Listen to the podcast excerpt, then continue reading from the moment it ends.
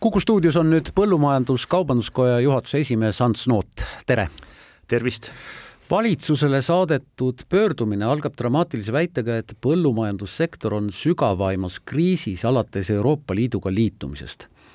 kuidas me küll nüüd, Ants, sinna jõudnud oleme? jah, hea küsimus, et äh, seal neid asjaolusid on päris mitu, mis, mis selle suhteliselt keerulise olukorra siin põllumajandussektorile on loonud et eh, no mis see tähendab üldse, et, et on peale liitumist kõige sügavamas kriisis, et tegelikult see on numbriliselt eh, hästi väljatoodav, et eh, esimest korda üldse peale liitumist on põllumajandussektor nii-öelda kahjumis tervikuna. ja seda seitsekümmend kaks miljonit eurot, et varasematel aastatel siis kunagi sektor kahjumis ei olnud, et kui ma õigesti mäletan, siis selline kõige kehvem aasta oli kaks miljonit eurot kasumit kogu sektori peale. et noh, sektori lisandväärtus on, ütlen siin ära, et on umbes miljard eurot et selles mõttes see seitsekümmend kaks miljonit on päris suur. ja noh, see tuli ju sellest, et eh, esiteks ilmastikutingimused olid väga ebasoodsad eelmisel aastal, lisaks sellele olid sisendite hinnad väga kõrged, et kui siin eh, lämmastikväetis maksis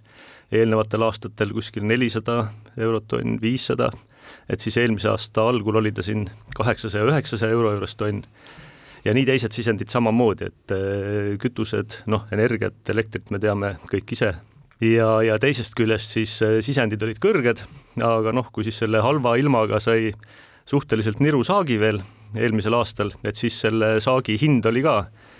madal, et äh, teravilja kokkuostuhinnad olid äh, madalamad kui siin aasta tagasi. piima kokkuostuhinnad on ka võrreldes siis aastataguse ajaga päris oluliselt alla tulnud ja noh, lõppkokkuvõttes on see siis toonud selle, et, et sektor ongi nii-öelda majanduslikult äh,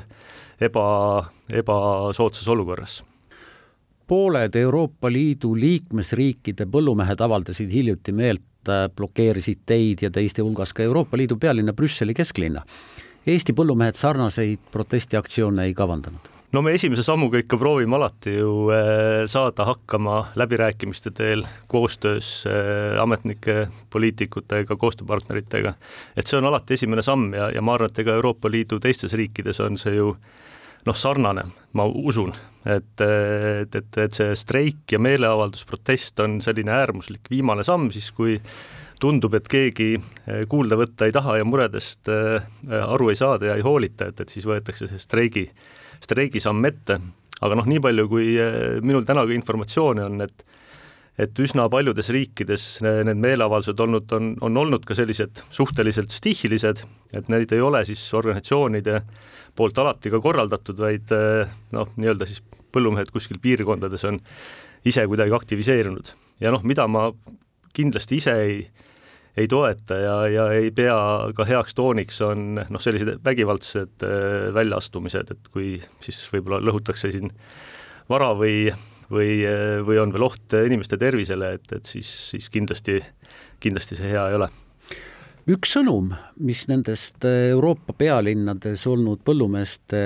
protestidest mulle kõrvu jäi,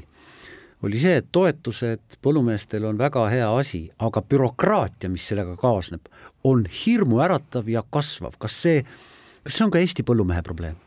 see on kahjuks ka Eesti põllumehe probleem ja see on noh, ma ise nimetaks seda, see on see teine niisugune probleemide probleemide kimp selle ebasoodsa majandusliku olukorra kõrval, et, et, et tõepoolest siis toetused on läinud keerulisemaks, neid on tulnud üha rohkem, Äh, nad on ka sissetulekutoetustest nii-öelda põllumajandussektorile muutunud rohkem keskkonnatoetusteks ja, ja looduskaitselisteks toetusteks ka kliimamuutustega nii-öelda toimetulekuks. ja, ja, ja komisjoni poolt on üsna noh, suured muutused toimunud sellel eelarveperioodil mis on äh, tegelikult pannud siis kõvasti proovile mitte ainult äh, põllumehed nende toetuste taotlemisega, aga ka ametnikud siis nende kontrollide läbiviimisega, et no lihtsalt üks näide, et äh, et nüüd otsetoetuste, pindalatoetuste taotlemisel tuleb kontrollida põhimõtteliselt sada protsenti kohapealse kontrolli teel, et, et vanasti see protsent oli seal noh, ma mäletan seal kolm kuni viis protsenti, et noh, nüüd on sada protsenti ja seda tehakse siis erinevatel meetmetel, pinnaseirega proovitakse kaugseire teel, et põllumehed siin ise käivad, siis pildistavad oma põlde ja, ja tõendavad sellega, et tõesti seal siis kasvab teravili või, või mõni muu põllumajandustaim. nii et selles mõttes see on tõesti, tõesti üks väga suur probleem ja, ja, ja mitmed noh, põllumehed on öelnud, et, et enam aega nagu põllule minna ei olegi, et, et on rohkem vaja siis kodus neid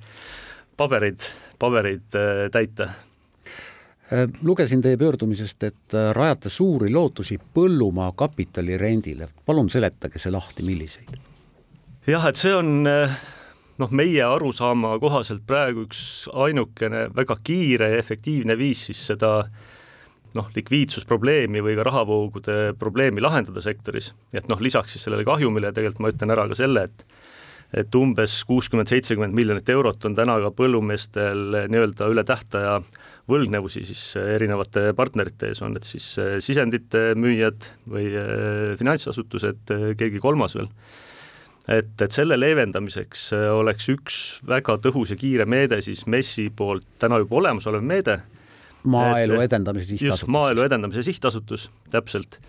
et, et, et põllumees äh, noh, justkui müüb siis oma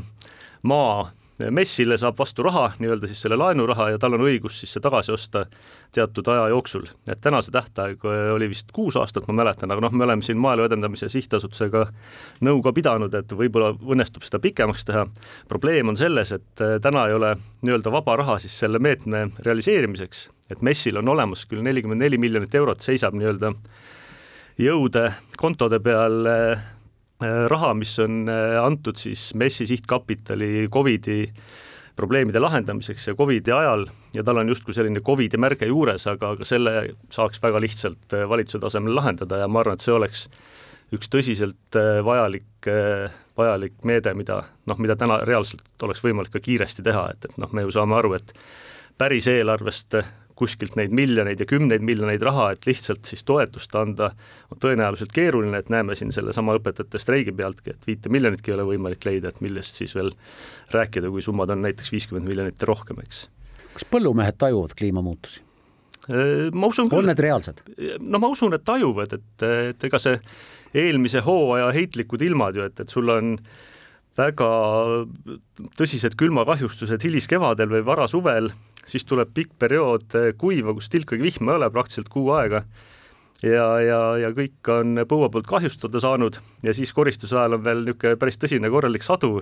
et see oli niisugune päris, päris hull katsumus meie ettevõtjatele. ja selles mõttes on nad ju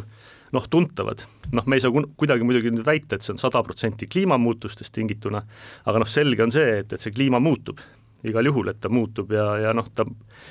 kui vaadata ka siin Lõuna-Euroopat, noh, seal on ju olukord äh, hoopis hull, et, et seal ei ole enam äh, noh, vett joomisekski, pesemiseks, rääkimaks siis äh, veel siin taimede kasvatamiseks. nii et selles mõttes noh, Eesti on täna veel heas olukorras, kus noh, pigem niisugust sooja aega on rohkem ja, ja võimalik siis ka paremaid saake saada kliimaministeerium näeb, et põllumajandussektor peaks heitmete kogust aastaks kaks tuhat kolmkümmend vähendama poole võrra teie nimetate seda eesmärki ebarealistlikuks, miks?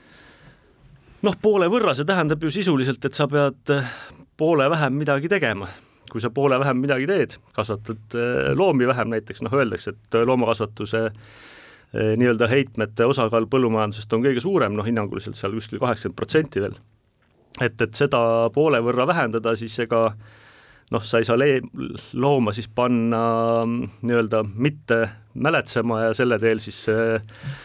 selle teel siis heitmeid tekitama või siis äh, nii-öelda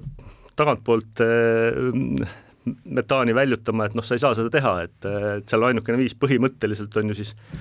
noh, loomakasvatust vähendada. aga noh, loomakasvatust vähendada tänastes tingimustes, noh, ma arvan, Eesti-sugusel riigil ei ole kindlasti mõistlik. see on juba vähenenud minu meelest. sest, sest just, et ta juba väheneb ise päris korralikult, et siin on mitmes sektoris on loomade vähenemine päris tuntav, eriti lihaveisekasvatus ja, ja lamba- ja kitsekasvatus. ja, ja teisest küljest noh, seal on ju inimeste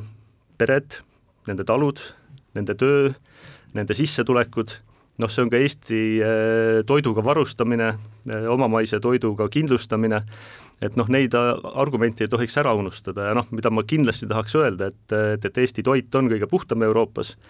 et kui me vaatame kas siis kemikaalide, taimekaitsevahendite kasutamist või ka mahepõllumajanduse osakaalu, et noh, me oleme Euroopas kohe kõvasti-kõvasti esirinnas. ja selles mõttes, et üks kõige puhtama toidutootmisega piirkond võiks hakata nagu toidutootmist vähendama, ei tundu mõistlik, et noh, siis tuleb ju kuskilt mujal tuleb siis ju mitte nii puhas toit kindlasti asemele. et see on ju ühendatud äh, anumad justkui on kogu see toiduturg, et, et ega siis sellepärast inimesed äh, nüüd oluliselt vähem sööma ei hakka ma soovin põllumeestele siiralt edu ja loodan, et, et põllumajandus ikkagi kasvab, põllumajandusmaad tuleb rohkem ja kariloomi tuleb rohkem ja, ja kanad on endiselt äh, valmis munema tervislikke suuri mune. aitäh, et tulite stuudiosse, Põllumajandus-Kaubanduskoja juhatuse esimees Ants Noot. aitäh!